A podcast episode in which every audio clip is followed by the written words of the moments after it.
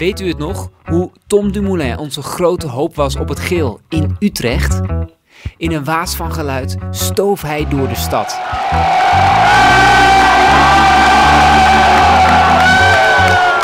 Zeven jaar later is de stad waar we nu zitten opnieuw het decor voor de start van een grote ronde.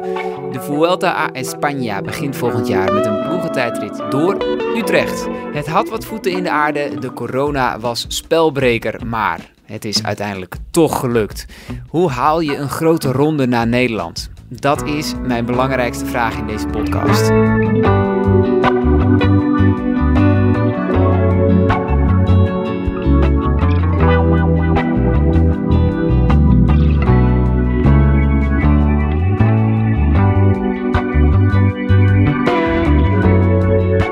Dit is aflevering 19 van de Fietspodcast met onze vaste sidekick Elias de Bruyne, die naast me zit omdat hij veel meer weet over wielrennen dan ik.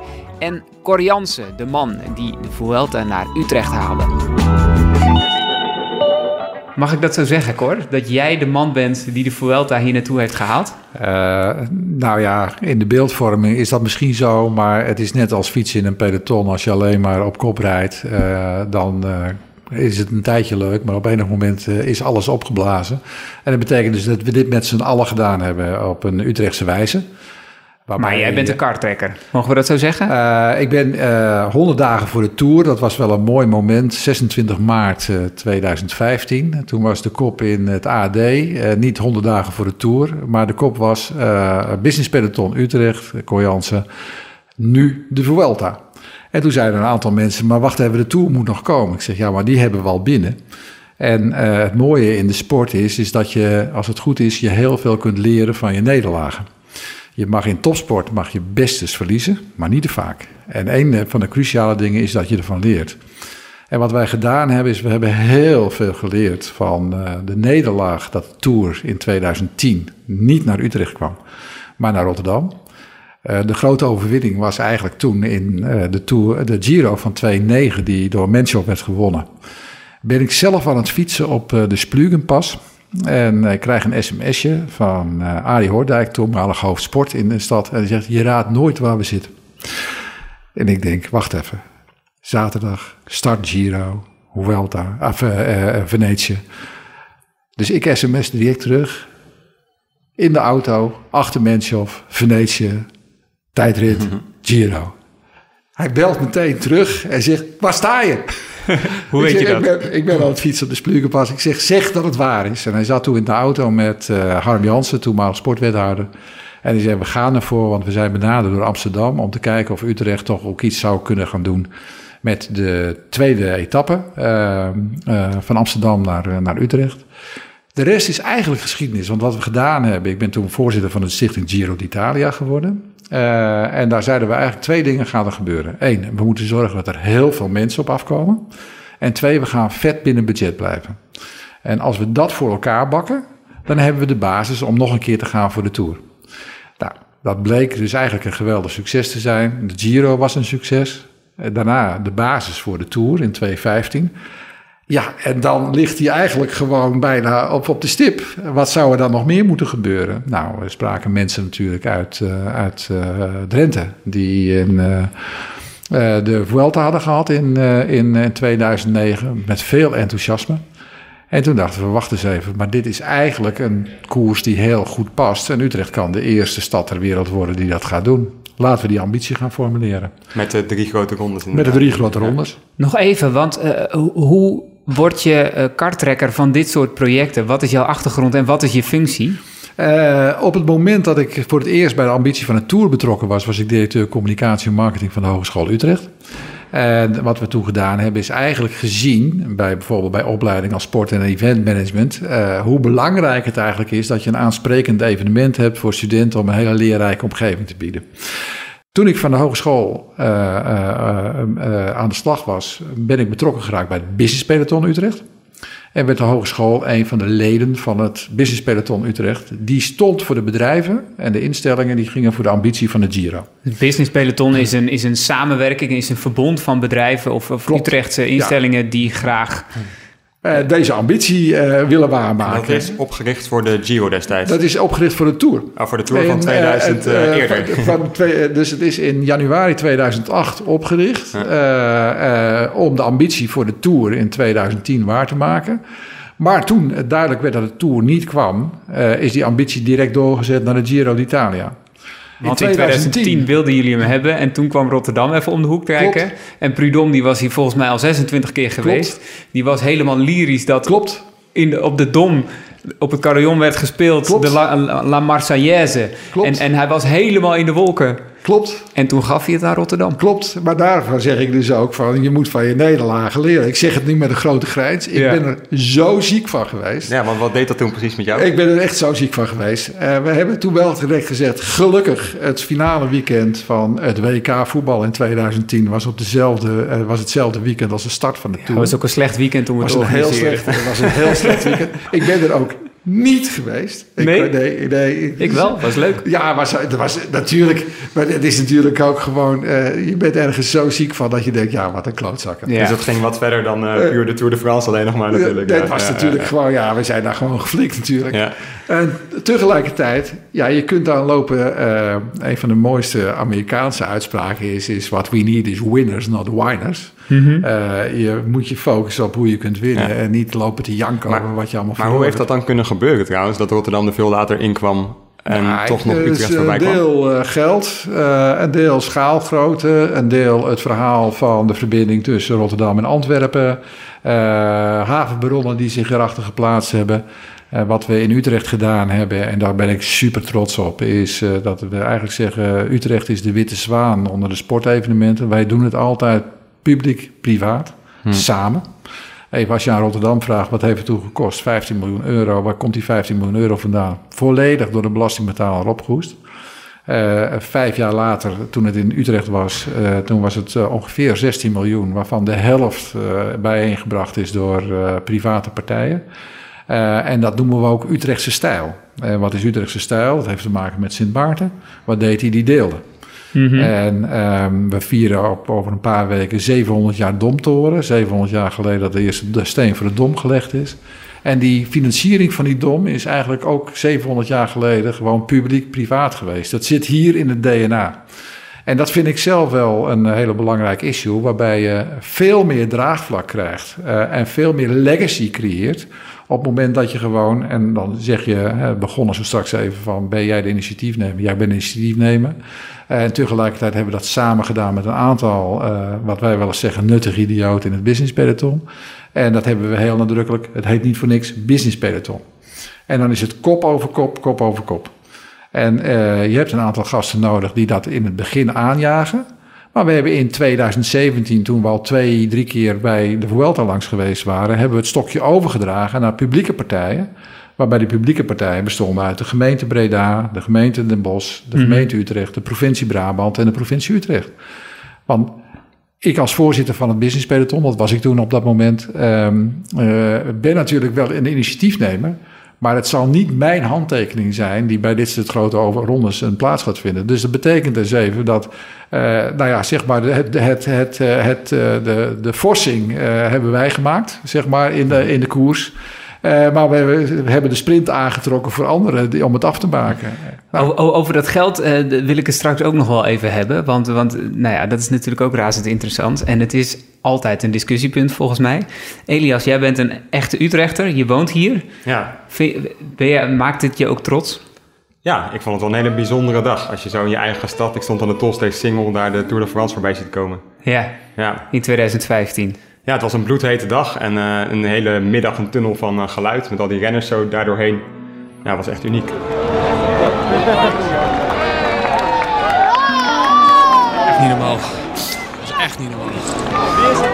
Uh, ja, die mensen roepen één keer natuurlijk, maar als 800.000 mensen één keer roepen, een kwartier lang, ja. Het, ja, het is fantastisch om mee te maken. 350.000, 400.000 man. De aanmoedigingen zijn enorm. Waardig geklopt. En uh, hoe moet ik ermee doen voor dit jaar?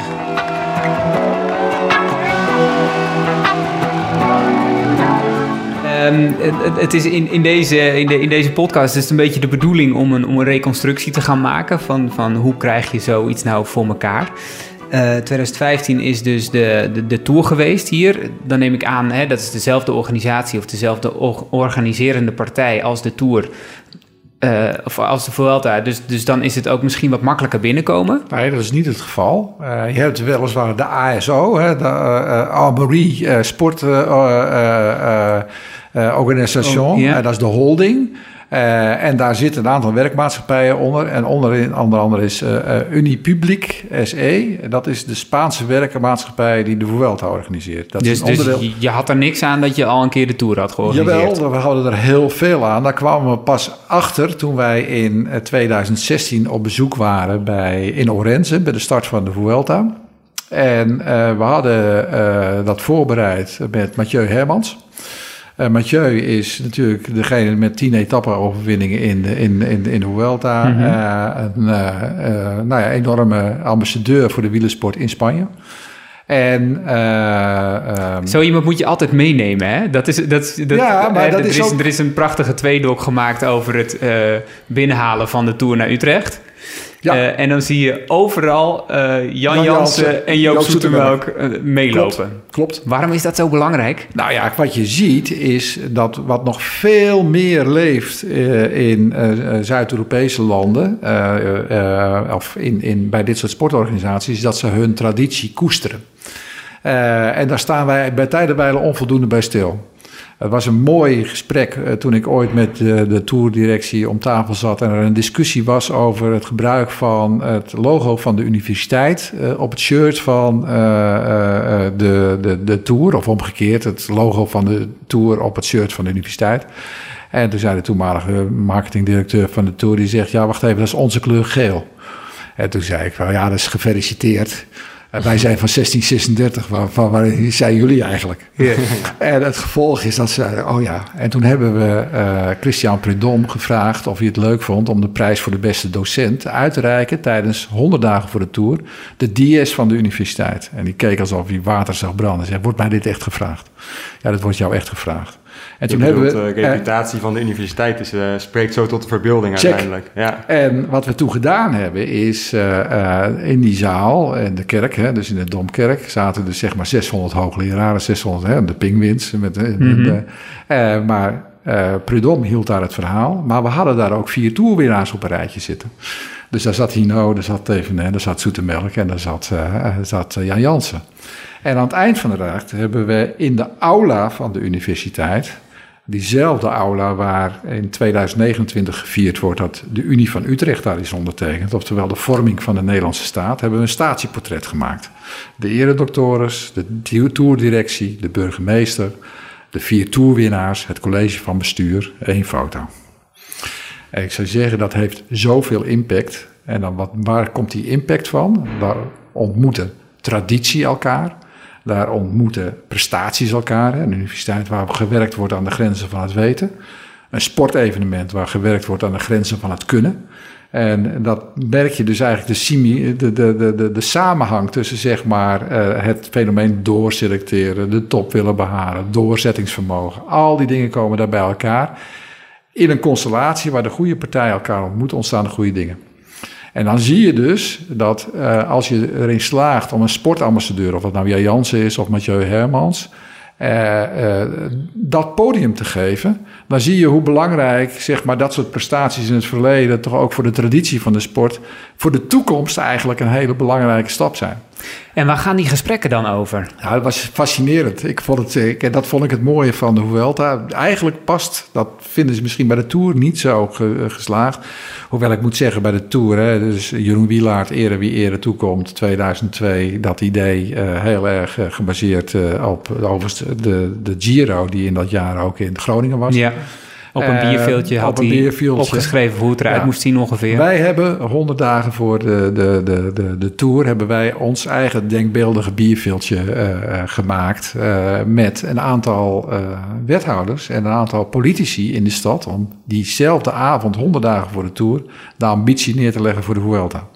En waarom, hoe, hoe werkt dat nou? Ehm, die ambitie neerleggen, dan denken mensen, nou ja, goed, laten we maar tekenen. Dat is gewoon een geweldig idee. Klinkt ook vrij abstract voor mij. Het is, de eh, ambitie neerleggen. De ambitie neerleggen. Nou ja, het is een beetje, ik weet niet, ik, eh, in mijn, eh, toen ik nog wat jonger was, toen klom ik vrij veel in bergen.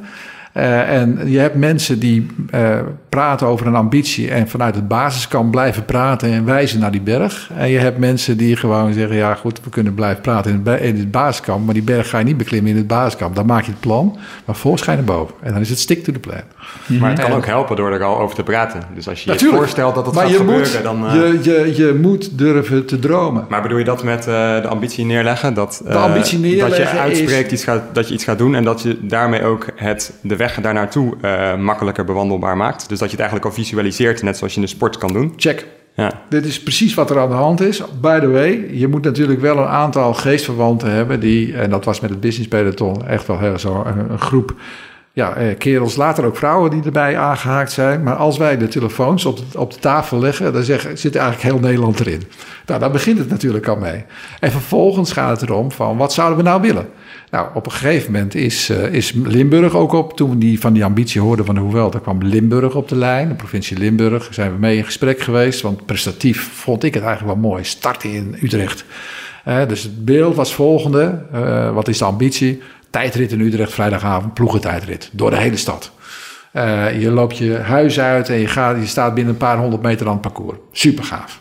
Tijdrit, ploegentijdrit. Ik heb toen in Orense, hebben wij achter de ploegentijdrit... Ja, dit is gewoon waanzinnig. Gewoon fietstechnisch is het gewoon super gaaf om te zien. Vrijdagavond. Vrijdagavond feest. Oh nee, donderdagavond ook al feest, want dan hebben we de ploegenpresentatie. Zaterdag was dan het idee Utrecht, Utrecht. Onbeperkt hoeveelheid keren over de heuvelrug. En zondag de stad uit, start in Utrecht en finish, wat mij betreft, ergens in Zuid-Limburg. Nou, daar kwam natuurlijk al signalen terug. Mathieu die kwam er al mee, die zegt, nou, wij denken niet eh, dat de Vuelta-organisatie eh, lange etappes erg omarmt. Hè? Dus zo 200 plus. Dus daar moet je op een andere manier naar gaan, eh, gaan kijken. Toen raakten we in gesprek met Brabantsport, Michel Reinders, eh, directeur daarvan. En eh, die kwam terug met de ambitie die Breda had, eh, die ook al een keer een mislukte lobby achter de, achter de rug hadden, om aan te sluiten. Toen zijn we in augustus 2016 samen met Mathieu Hermans en een aantal mensen van Sport, eh, eh, eh, Brabantsport, eh, zijn we die kant op gegaan. En werd de afspraak gearrangeerd door Mathieu met de Vuelta-directie. En waar wij toen om waar wij stonden te kijken, dan waren Richard Kraan, de eh, huidige voorzitter overigens van de stichting eh, Vuelta in eh eh. Eh, en mijn voorganger als voorzitter bij het Business Peloton. En ondergetekende zaten toen aan tafel met Gavier Gouyen. En, De en, zeg maar, van de ja, Vuelta. De en, en Charles Ujalvo, de, de commercieel directeur voor, en verantwoordelijk voor de partners. En Mathieu zat erbij. En wij stonden eigenlijk te kijken. Waren echt, ik, was wel, ik heb dat niet zo verschrikkelijk vaak, maar ik was echt gespannen voor het gesprek. Ik denk, dit is toch bizar eigenlijk. Vandaag is de openingskoers van eh, de Vuelta. En wij kunnen daar gewoon om tien uur s ochtends kunnen wij gewoon met deze man aan tafel zitten. Nou, bijzonder.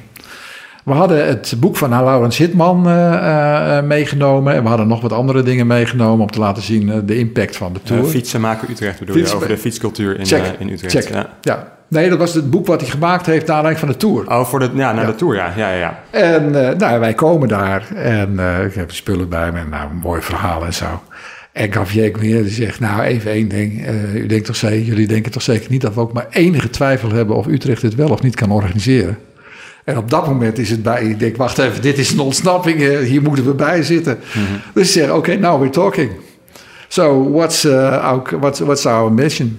En toen uh, vroegen, vroegen zij van, uh, what do you want? En uh, ik zei, nou eigenlijk, ik wil gaan voor 2019. Right, uh, 2019. Ik zei, nou, no Olympics. Nou, uh, want dat weekend van 2016 was het laatste weekend van de Olympische Spelen. Was het eerste openingsweekend van de Vuelta. En de ervaring natuurlijk in 2010 was dat WK gebeuren. En eigenlijk wil je dan op een oneven jaar uh, gaan zitten, waardoor je geen interferentie hebt met andere sportevenementen en maximaal exposure hebt. En toen begon uh, Ojalvo, die begon te lachen. En die zegt, ja, maar eigenlijk is 220 veel interessanter. Want uh, weet je wel wanneer die Olympics dan afgelopen zijn? Die zijn namelijk twee weken eerder afgelopen dan wij van plan zijn te starten. Ik denk, oké.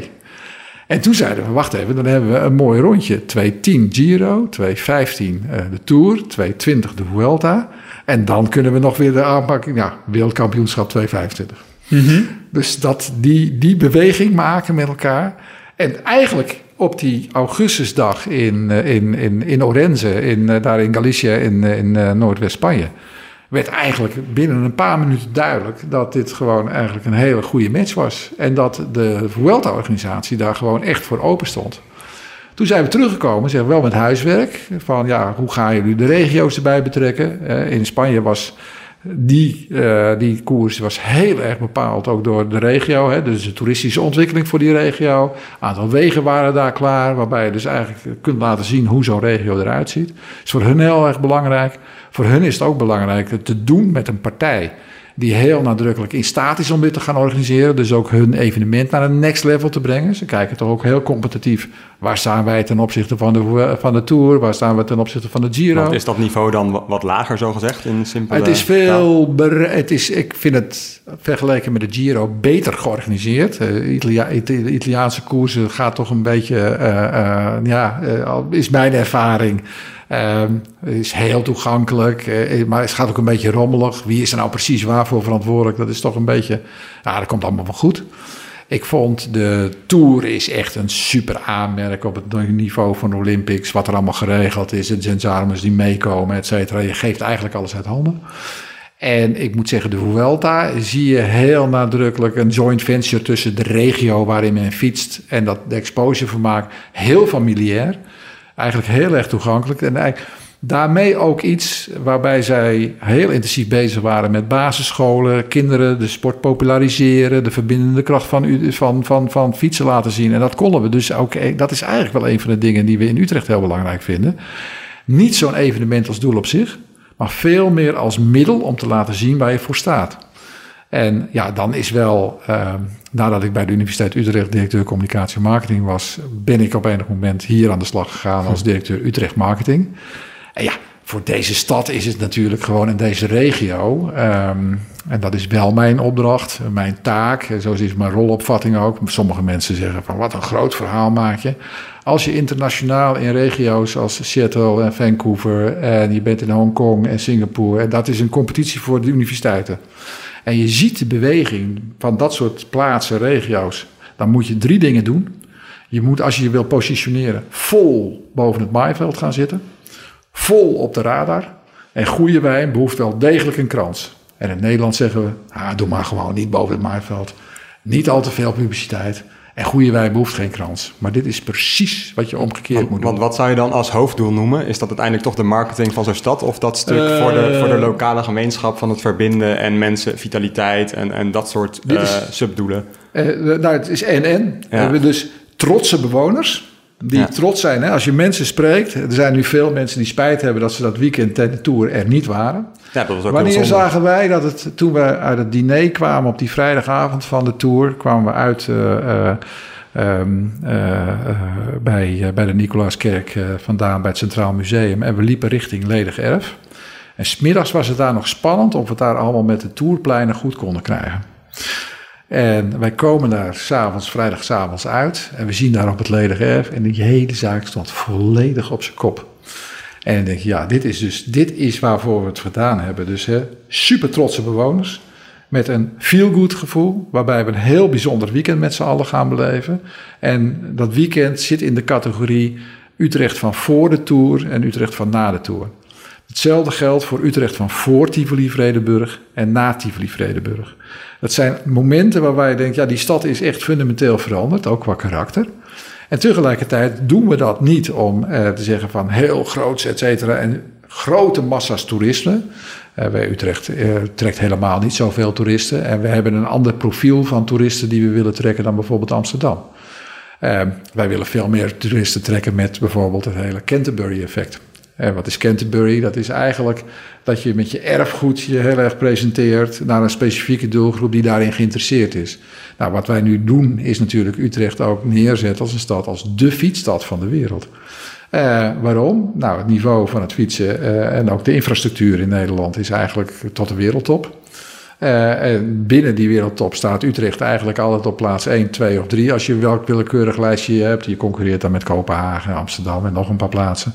Uh, maar in feite zeggen we, eigenlijk zijn wij nummer 1 in, op die lijstjes. 2. Nederland is land, fietsland nummer 1, dus wij zijn eigenlijk wereldfietsstad. En als je kijkt naar de regio, hetzelfde laken en pak. En dat in het licht van wat er de komende tientallen jaren nodig is als je gaat over gezond stedelijk leven. Wat zie je dan voor beweging? Dan zie je in allerlei grote steden. Hè, ik, als ik in Sydney op de fiets stap, dan moet ik eerst uitkijken. Uh, terwijl de, de beweging nu is om daar gewoon massief en basaal fietspaden aan te leggen. Nou, dan zie je eigenlijk, nou, de Cycle Ambassador die zit hier natuurlijk, ontvangt heel veel gasten van buiten om stedelijk bouwkundige ontwikkelingen te gaan doen. Nou, dan zie je de fiets veel meer als middel en zo'n evenement is dan ook weer veel meer een middel om bewijslasten voor te voeren. Nou ja, word ik daar in die zin vrolijk van, omdat je dan zegt trotse bewoners die uh, uit, dat uitdragen als ambassadeur. En ook een type bezoeker aantrekken, waarin we dus kunnen, uh, als het gaat om recreatief fietsen, kunnen spreiden de enorme opkomst van de, de, de, de e-bike levert ertoe. Als mensen hier een paar dagen zijn, kunnen ze in het centrum verblijven. Ze kunnen naar de westkant. Ze kunnen uh, Kasteel Haar zitten in Reach, et, et, cetera. Maar ook naar de oostkant. En je kunt naar de zuidkant. Je kunt, de, de, de, je kunt richting Veluwe. Je hebt allerlei mogelijkheden. En daarmee creëer je wel een soort legacy, uh, waarbij Utrecht als fietsstad gewoon uh, nummer 1 in de wereld is. Je zou bijna vergeten dat deze podcast over de Vuelta gaat. Check. Um, maar, uh, want we gaan nog heel even terug naar, naar dat punt wat je zei van op een gegeven moment kwam de doorslag. Jullie kregen huiswerk terug. Ja. even kort, wanneer kwam dan de definitieve doorslag? de definitieve doorslag was eigenlijk in ehm, de Vuelta van 2017. Start in Nîmes. Daar hadden we ook uh, de... Dat was ook een ploegentijdrit, toch? Met een, het was een ploegentijdrit, ja. Nou, dat is waanzinnig. Dat ging door die arena in, in Nîmes. En daarvan vond ik zelf... Uh, er spraken toen ook allerlei renners en zo... dat in die arena was echt wel even... Dat was linker soep. Dus die uitslag van die tijdrit... die is eigenlijk bepaald door het feit dat je... Je zat in de stralende zon... En vervolgens duik je die arena een donkere tunnel in. En dan kom je opeens in de arena in het licht... En uh, je gaat, duikt weer een donkere tunnel in en je komt weer in het licht. En je zag bij wijze van spreken als die gasten die, die, die, die, die, die arena infietsen... dat er gewoon in de remmen geknepen werd. Terwijl het gewoon rechtuit was. Ja. Nou, de het is altijd gedoe trouwens met die ploegentijd erin, want hij is ook wel eens geneutraliseerd. Dat was op het strand en toen waaide er allemaal zo, uh, zand op de weg, wat natuurlijk ook levensgevaarlijk ja. is. Toen had je alleen een uitslag, maar geen tijdsverschillen, denk ja, ik. Precies. Maar dit, zijn, dit, dit is natuurlijk, voor hun is uh, zeg maar de ploegentijd echt wel een, een, een issue van hey, wat ze als cultuur willen neerzetten als, als, als, als, als start. Uh, wat er toen gebeurd was, het huiswerk was van... is er ook steun vanuit de provincie Utrecht? Is er ook steun van andere partijen? En dat is eigenlijk wat er gebeurd is in dat jaar 2016, 2017. Toen zijn we vanuit het business peloton gaan praten met de provincie Utrecht. Want de provincie Utrecht, die wel meedeed met de Giro, deed niet mee toen de Tour hier in Utrecht was. En dat was eigenlijk een gemiste kans.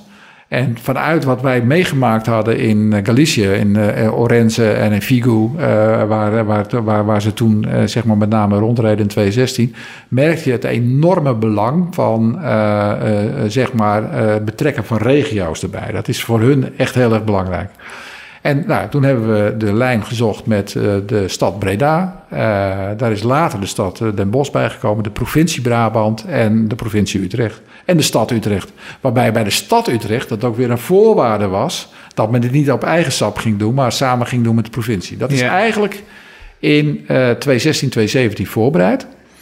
Het gevolg was dat we in 2017 als business peloton letterlijk in een sessie waarbij de Vuelta-directie zat, wij zaten en uh, um, in dit geval ook Martijn van Hulstein en uh, Toke Tom. Toke was toen een van de betrokken directeuren van... Uh, van Martijn van, is de projectmanager, denk ik. Hij is de projectdirecteur. Ja. En Martijn is projectdirecteur, was hij ook in de, bij de Giro. Ja. Heeft het dus gaan voor de Tour en daarna de Vuelta. Hij heeft overigens nu het stokje overgedragen uh, aan Simone Ritsensen. Uh, en Simone was onder andere verantwoordelijk voor de Giro in 2016 in, in Gelderland. langs die lijn hebben we letterlijk in een, in een, in een ontbijtsessie... daar op de zaterdagochtend van de start van de, de, de ploegentijdrit in Nîmes zeg maar een, een jaar na dato, na 2017, uh, na, de eerste ontmoeting, uh, fysieke ontmoeting in 2016, hebben we het stokje overgedragen aan de projectorganisatie. Waarbij wij als uh, business peloton even een stap terug gedaan hebben. Zeggen, we zijn straks natuurlijk supportive. Maar er moet nu langs de lijn, dus de burgemeesters moeten betrokken worden, de politiek moet betrokken worden. Nou, dat is een heel proces waarbij ik het heel mooi vond om te zien dat er een gezamenlijke uh, uh, samenwerking ontstaat tussen Brabant en Utrecht. En ook heel nadrukkelijk uh, de Spaanse relaties tussen Breda, de Spaanse Brabander, het Tufschip, Ja. al die associaties die kwamen. En het gevolg is, is dat je eigenlijk een heel mooi E-team hebt gecreëerd. Met veel draagvlak in de politiek.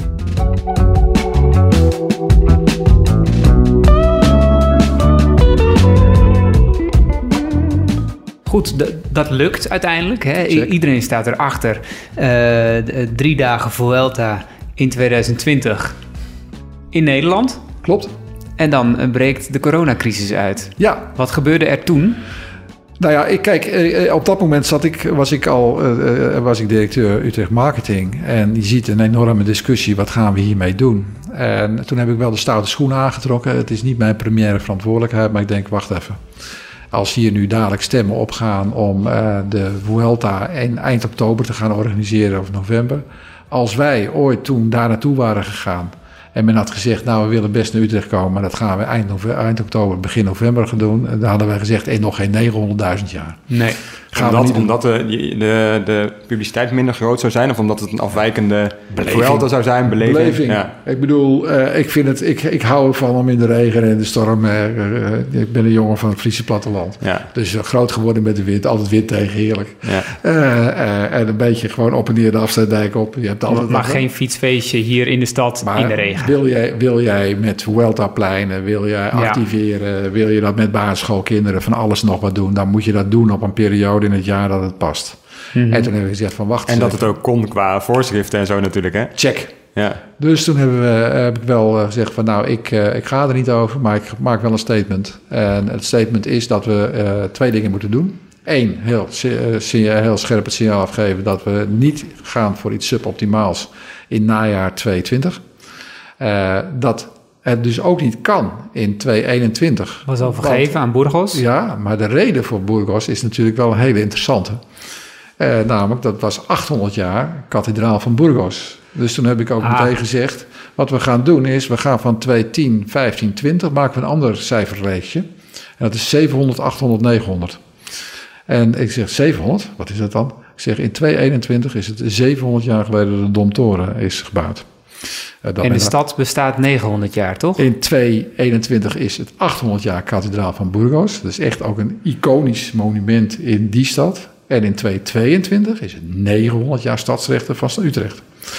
En dan kunnen we, uh, uh, nou ja, never waste a good crisis. van je ook die nederlaag dat het in 2020 niet doorgaat, kun je een overwinning maken in 2022.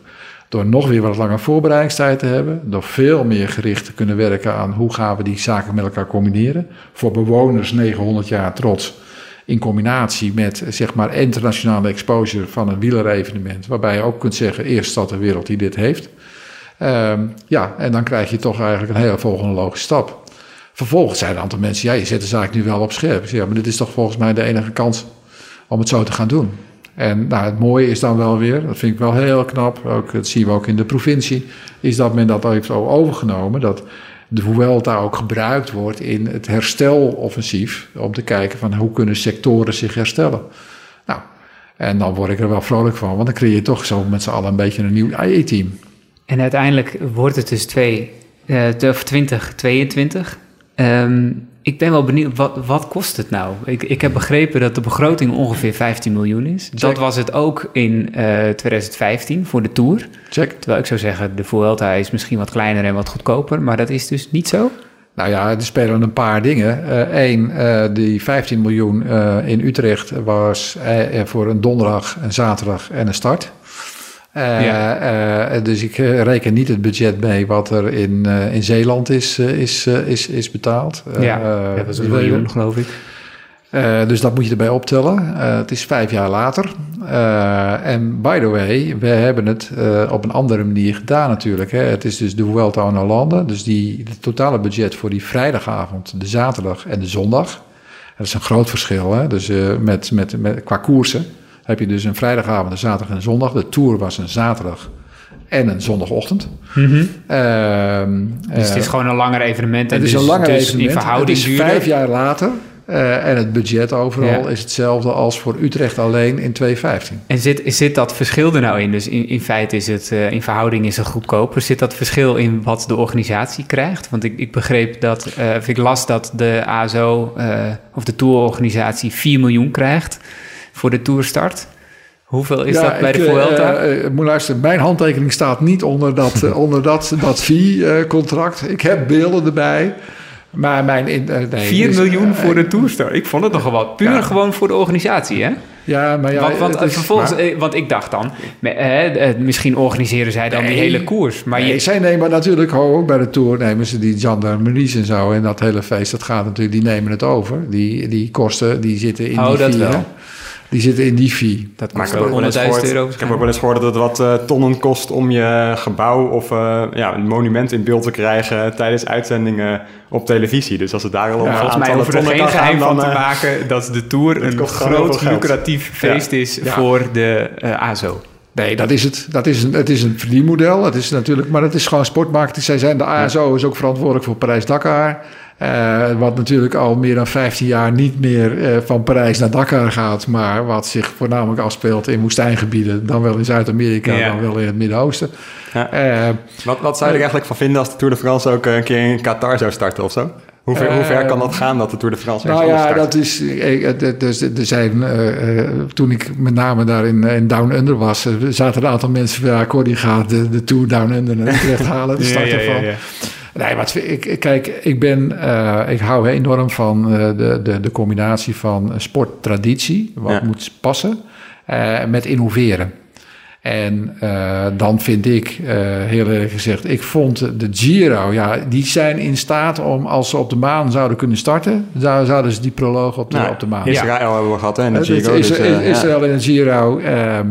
De Tour is toch wel heel erg gewoon gericht op van... Hey, hoe kunnen we dat merk verder uitbouwen? We hebben vooral gezien uh, in Engeland, hè, toen uh, in, in, uh, in Yorkshire, de Tour de Yorkshire... hebben we zelf in Utrecht heel veel van geleerd. Het was hetzelfde weekend dat, dat de kwartfinale van Nederland tegen Puerto Rico was, of Costa Rica was... Uh, en toen waren er in Utrecht op dat moment nul beeldschermen, omdat er nul vergunningen werden afgegeven. Terwijl wij in Yorkshire daar in de tour zagen en zagen dat de enorme publiekstevredenheid uh, en de venues heel erg bepaald werden door de beleving die je creëert, door een koers te kunnen volgen op een groot scherm. Het gevolg was dat uh, we met z'n allen, en dat gold ook toenmalig voor Jan van Zanen, die toen voor het eerst mee was. Burgemeester. De burgemeester van Utrecht op dat moment. En die ook dacht van ja, we moeten hier een groot feest van maken. En dat is wel heel mooi om te zien. Dat we een jaar later hadden we 45 grote schermen. we hadden 20 tourpleinen hier in de stad. Uh, en het gevolg was dat je eigenlijk op al die plekken iets creëerde van beleving. Waarbij je, of, ongeacht of je nou aan het parcours stond, want waar je net mee begon, uh, die enorme muur van geluid. Je moet nog maar eens aan Stef Clement vragen van wat, wat er hem het meest is bijgebleven. Die zegt ja. Ik heb het nog nooit meegemaakt dat ik door zo'n 14 kilometer lang, door zo'n ongelooflijke geluidsmuur heen ben gegaan. Echt fenomenaal. Dat was natuurlijk toch wel, ja, dream come true. Ik fietste gisteren nog weer, ik zeg tegen mijn vrouw, hier, ah, de bocht. Zegt ze wat de bocht? Ik zeg, Kruisstraat natuurlijk, Beeldstraat, Kruisstraat. Ja. Nou, ik heb er ook nog wel eens van herinneringen aan. Ik fiets ook veel langs de Singel. En ja, de Tolsteeg Singel en de open ramen waar dan mensen die daar woonden uithingen en rijden dik ja, langs beeld. het parcours. Dat was gewoon een super mooie dag. Ja. Bloedheet, tuinslangen waar mensen elkaar mee... Uh, Moments in time. Ja, echt heel en, bijzonder. en dat was, dat was wel een enorme beleving. Nou, hetzelfde gold uh, toen we vanuit de universiteit hadden we uh, op de zondag hadden we een hele netwerkbijeenkomst. En nou, vanuit het academiegebouw hadden we onder de dom hadden we een podiumpje gemaakt, waardoor je dus iets hoger stond. En dan heb je, krijg je het moment of time natuurlijk gewoon dat uit de Zadelstraat naar het peloton Natuurlijk geneutraliseerd. Maakt geen bal uit. Het is gewoon daar dat Kun je een beetje beter zien. Dat is echt, echt, echt, dat, dat, dat men daar onder die dom eh, doorfietst. Ja, dat is eigenlijk het eh, iconische moment waarbij je denkt, ja, dat, dat zijn de beelden die je wil vasthouden. Ja. En dat maakt een stad tot iets van wat je wel gehad hebt of heb je dat niet gehad. Dus het, zijn, zijn steden, hè? dus ik, ik kijk heel erg naar steden van eh, steden met betaald voetbalclubs en zonder betaald voetbalclubs. Dat is een groot verschil. Steden met een universiteit en zonder universiteit. Steden met een groot cultuurcentrum of zonder cultuurcentrum. Spelen, spelen met een, steden met een grote geschiedenis als het gaat om sportevenementen. We hebben ook het WK hockey, was in 98 ook een eikmoment. Hetzelfde gold. Maar een, een lang verhaal kort is dus dat je Qatar niet echt ziet zitten. Totaal niet. Oké. Ehm, we maken even een uitstapje eh, naar Leon van Bon, maar dat is toch weer ook weer niet helemaal een uitstapje. Eh, Leon die test natuurlijk iedere maand voor fiets een fiets, maar hij begon ook een keer aan een grote ronde in Nederland. In 1996 was het Grand Départ namelijk in Den Bosch. Leon was 24 jaar oud. Hij was ongeveer drie jaar prof en reed voor Rabobank, dat net was eh, opgericht. Eh, en op weg hier naartoe heb ik even met hem gebeld en vertelde hij daarover. Kijken wat hij kan. Leon van Bon. Van Bon, van Bon. Leon van Bon. Waar is die fiets? Hey, kun je me horen? Ja, ja, ja, helemaal. Mooi. Ik loop dus eh, door Utrecht op weg naar de opname. J- jij ehm, hebt in 1996 eh, ben je de tour begonnen in Den Bosch. Weet je dat ja, nog? Klopt, ja. Ja, dat weet ik heel goed. Want dat Hoe was, was- natuurlijk een, eh, een, eh, een bijzondere eh, aangelegenheid. Ja, ik was toen eh derdejaarsprof volgens mij, ja. En eh, nou ja, dan is alles eh, nog redelijk nieuw en eh, indrukwekkend. Nou ja, de, dan de start in je eigen land, dan is dat super speciaal. En ik was zo nerveus en opgepompt. Dat, en het regende een beetje in de proloog. Ik start vol bak en ik rijd de Brabanthallen uit. En de eerste bocht naar rechts lig ik strak onder de hekken, zeg maar. Oh, nee, echt? Ja, ja, ja. Eigenlijk volgens mij omdat ik gewoon eh, te, te gespannen was en eh, te gefocust om eh, het goed te doen. En de dagen daarna, of de dag daarna natuurlijk, een, een heel bekende rit waar we veel aangevallen hebben en veel last hebben gehad van de processierups. Oh ja? Ja, en we konden eigenlijk niet koersen omdat er in de dorpen waar we doorheen reden gewoon zoveel mensen stonden. En op de weg dat je niet met een peloton daar eh, normaal langs kan koersen. Dus eigenlijk is de koers automatisch een beetje geneutraliseerd tot, eh, tot een kilometer of 50 denk ik voor het eind. Dus eh, voor een renner is dit echt fantastisch. Een, een, een grote ronde beginnen in je eigen land. Ja, ja zeker. Als je, als je overheen blijft, toch zeker. en de origine, die heb je getest. Ja, klopt ja. Het is een beetje de, de Franse, het wordt omschreven als een beetje de Franse Canyon.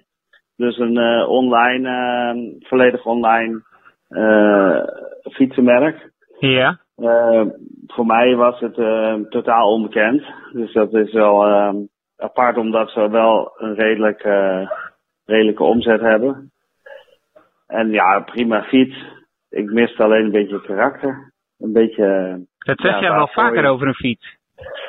Ja, nou ja, ik, denk als je, als je een, een voor, voor Nederland onbekend merk bent, dat je dan iets nodig hebt om eh, je, je punt te maken, zeg maar. En als je dat eh, het een prima fiets is, zonder, eh, zonder veel bijzonderheden, ja, dan wordt het denk ik best lastig. Hoewel het dan toch een goede fiets is. Ja, eigenlijk is een van zijn sterke punten is dat je volledig de kleur zelf kan kiezen. Ja. Wat natuurlijk best interessant kan zijn.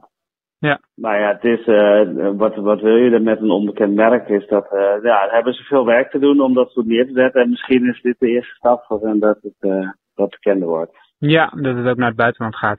Hey, en volgende maand? Eh, volgende maand volgens mij, als ik het goed heb, een Superior. Oeh, wat is dat voor fiets? Het is een Tsjechisch merk. En eh, is in Nederland eh, redelijk opkomend. Toevallig kende ik het omdat hij eh, ook bij mijn broertje in de winkel staat. En het is een, een, een kruising tussen een racefiets en een gravelbike. Top, nou, dankjewel. Dan ga ik nu naar de opname. Yo. Hoi hoi.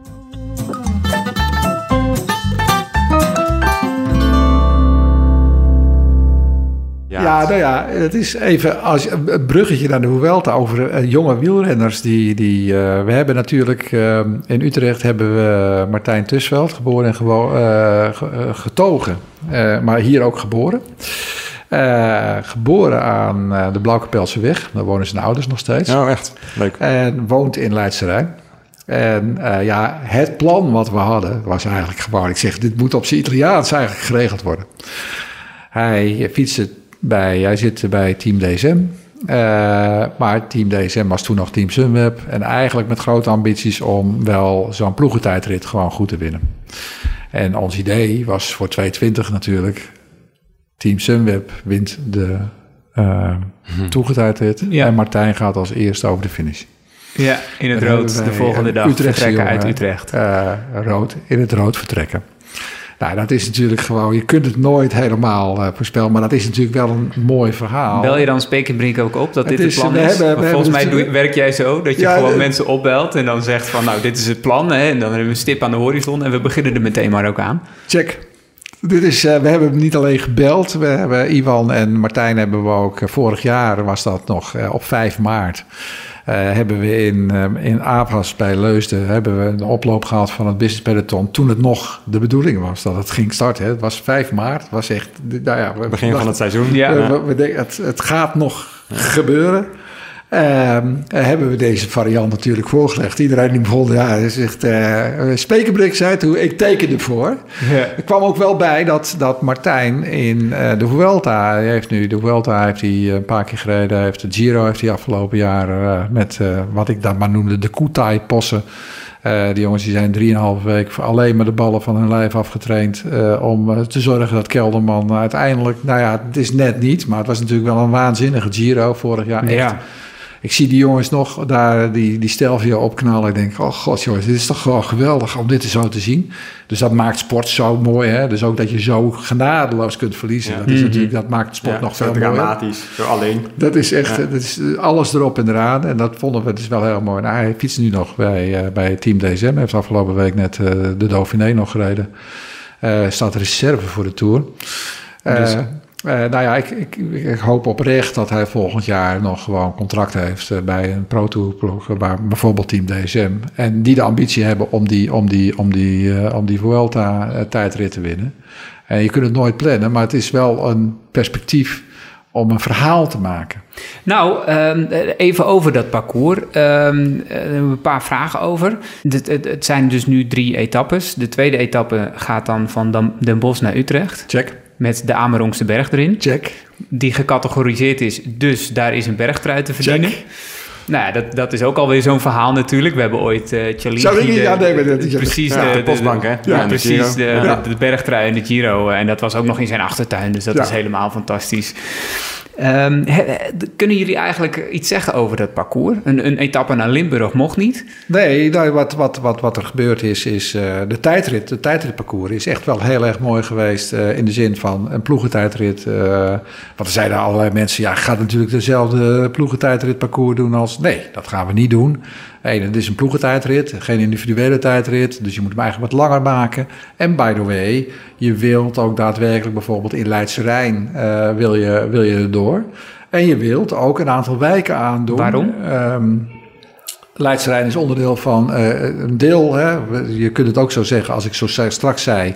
van stad van Utrecht is uh, voor Tivoli-Vredenburg, na Tivoli-Vredenburg... voor de Tour, na de Tour... is het voor het Leidse Rijn, na Leidse Rijn. Er wonen 100.000 mensen.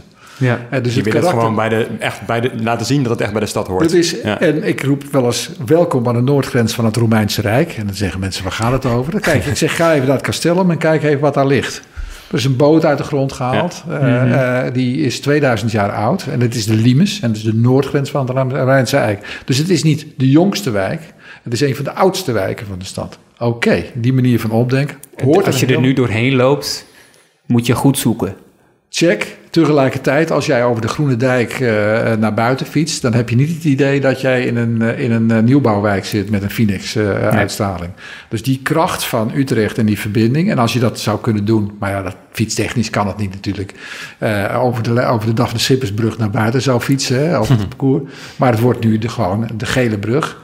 Overigens, nadat uh, uh, het rondje rondom de Singel Malibaan uiteindelijk langs de Blauwkapelse weg, de Kardinaal de Jongweg op en dan Overvecht in. Ook om die verbinding te maken met wijken als Overvecht. Hè? Dus ook projecten erbij te halen als heel Overvecht fietst. de verbindende functie van sporten maken om zeg maar gezond stedelijk leven voor iedereen handen en voeten te geven. Horen dat soort zaken erbij. Vervolgens ga je via de Barnixlaan langs Zuiden ga je over de Gele Brug, duik je Leidse Rijn in, draai je Leidse Rijn terug en ga je uiteindelijk via de Prins Klausbrug, dus via uh, Rijnvliet en, en, en Papendorp, over de Prins Klausbrug terug en duik je zo terug naar, naar de jaarbus. Ik hoop dat de luisteraars die Utrecht niet kennen dit nog enigszins konden volgen, maar die kunnen dat natuurlijk opzoeken. Maar kunnen, ehm, He, die, die, etappes daarna, is, is dat bijvoorbeeld die Amerongse berg? Is, wat, wilden jullie dat zelf ook heel nou graag? Ja, of, is, of, is dat ook iets van de Vuelta-organisatie die zeggen van er moet wel iets in, zodat, er, zodat het niet alleen maar sprinten wordt? Check. Het is, eh, maar dit, is, dit is natuurlijk gewoon, dit wordt een sprint. uh, het wordt een sprint. Uh, ja, maar onderweg is er nog wel iets te doen. Ja, uh, er is, dus de, de, de, de, verbinding was uh, op enig moment van... hey, nee, Cor, uh, men wil gaan starten in, in, in Utrecht en gaan finishen in een bos. Nou, door huidige, toen nog raadslid, huidige wethouders Vuelta, Klaas Verschuren... is toen heel, heel goed gelobbyd om het om te draaien en te zeggen... we gaan starten in Den Bosch en we finishen in Utrecht... En de finish in Utrecht wordt op een plek waar je kunt afsprinten. Dus het wordt op het Science Park. Um, en uh, daar wordt nog een deel van de noordkant van de stad meegenomen. En we willen natuurlijk de regio, de provincie laten zien. Dus de provincie heeft daar gewoon grote invloed op. En zitten daar nog meer heuvels op de heuvel? Op nou, je komt binnen via, de, via Renen. Uh, dus, uh, dan ga je de, dus het rijntje achterlangs Grebbeberg. Dan is het een aantal keren kriskras de, de, de, de heuvelrug op. Ja. En vervolgens wordt het doorgestoven richting Amersfoort. En achter Amersfoort langs richting Soest. En zo via uh, lage vuurs, et cetera, kom je aan de noordkant van de stad. En wie bouwt dan zo'n parcours? Want de Tour heeft een eigen parcoursbouwer. Maar gebeurt dit dan in overleg met hem of alleen door hem? Of nee, alleen het door... Is, uh, hier moet de naam uh, Ron Looy genoemd worden. Ron is degene die vanuit de gemeente Utrecht het parcours van de Giro heeft gemaakt. Er is nog echt een leuk verhaal over te vertellen. Het leuke verhaal is namelijk dat men in Amsterdam eigenlijk niet zo zat te wachten op de Giro. En toen heeft, uh, en, uh, en zeiden, ja, moet eigenlijk, het is maar lastig.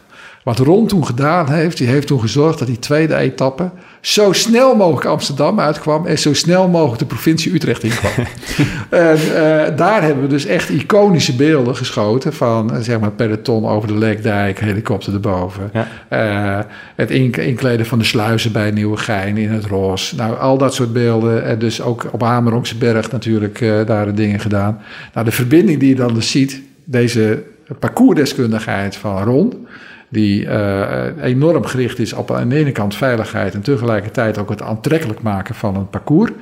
Uh, dat in samenspraak doen met degene die technisch verantwoordelijk is voor het parcours bij de grote ronde is een enorme joint venture. Um, Ron heeft dat niet alleen gedaan voor de Giro, heeft het ook gedaan voor de Tour.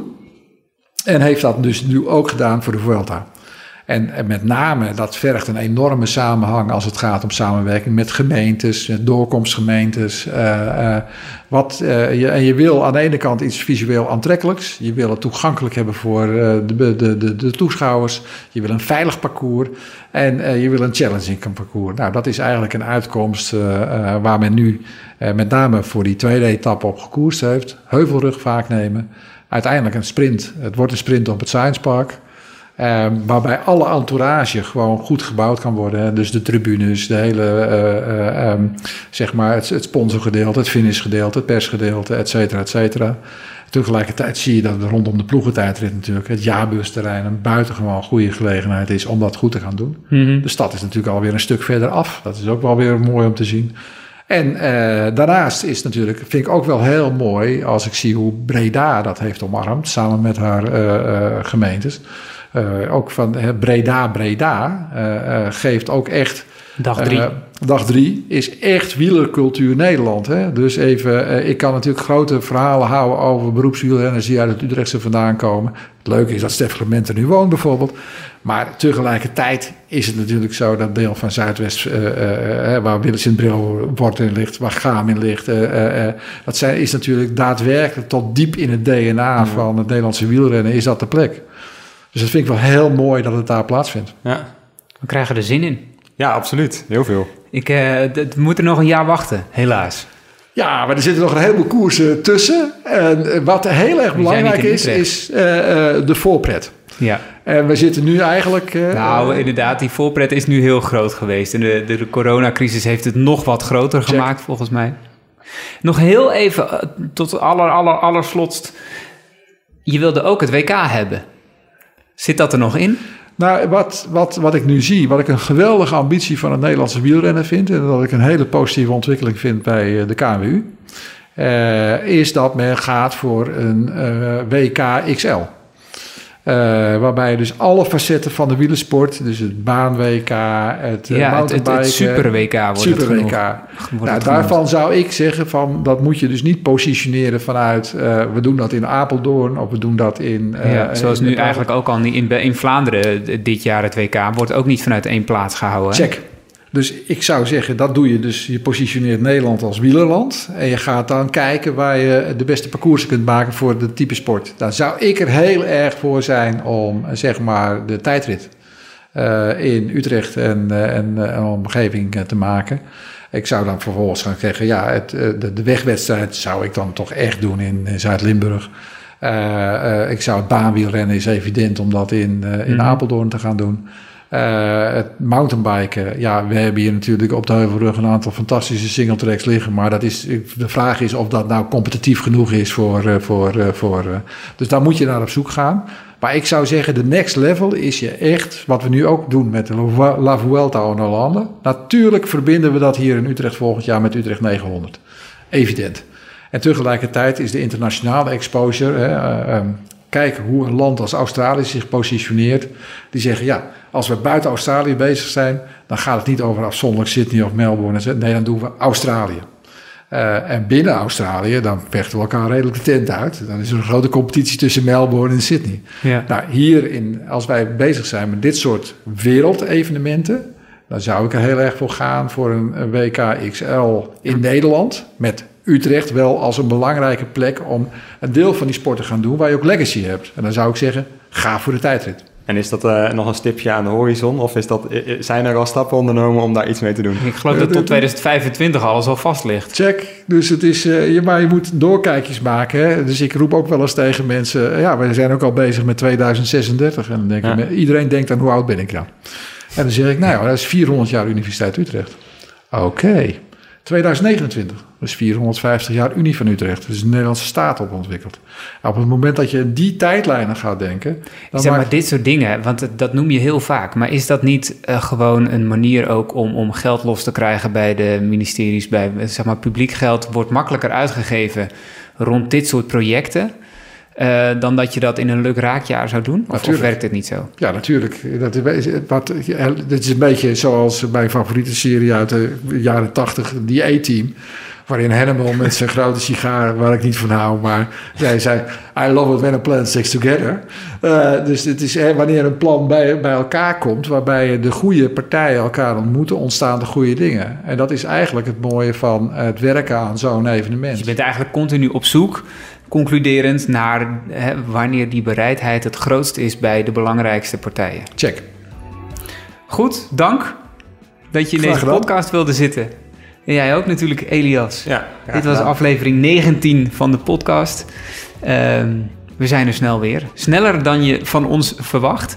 Want uh, volgende week maken we een voorbeschouwing op de tour rond de officiële Tour de France Gids.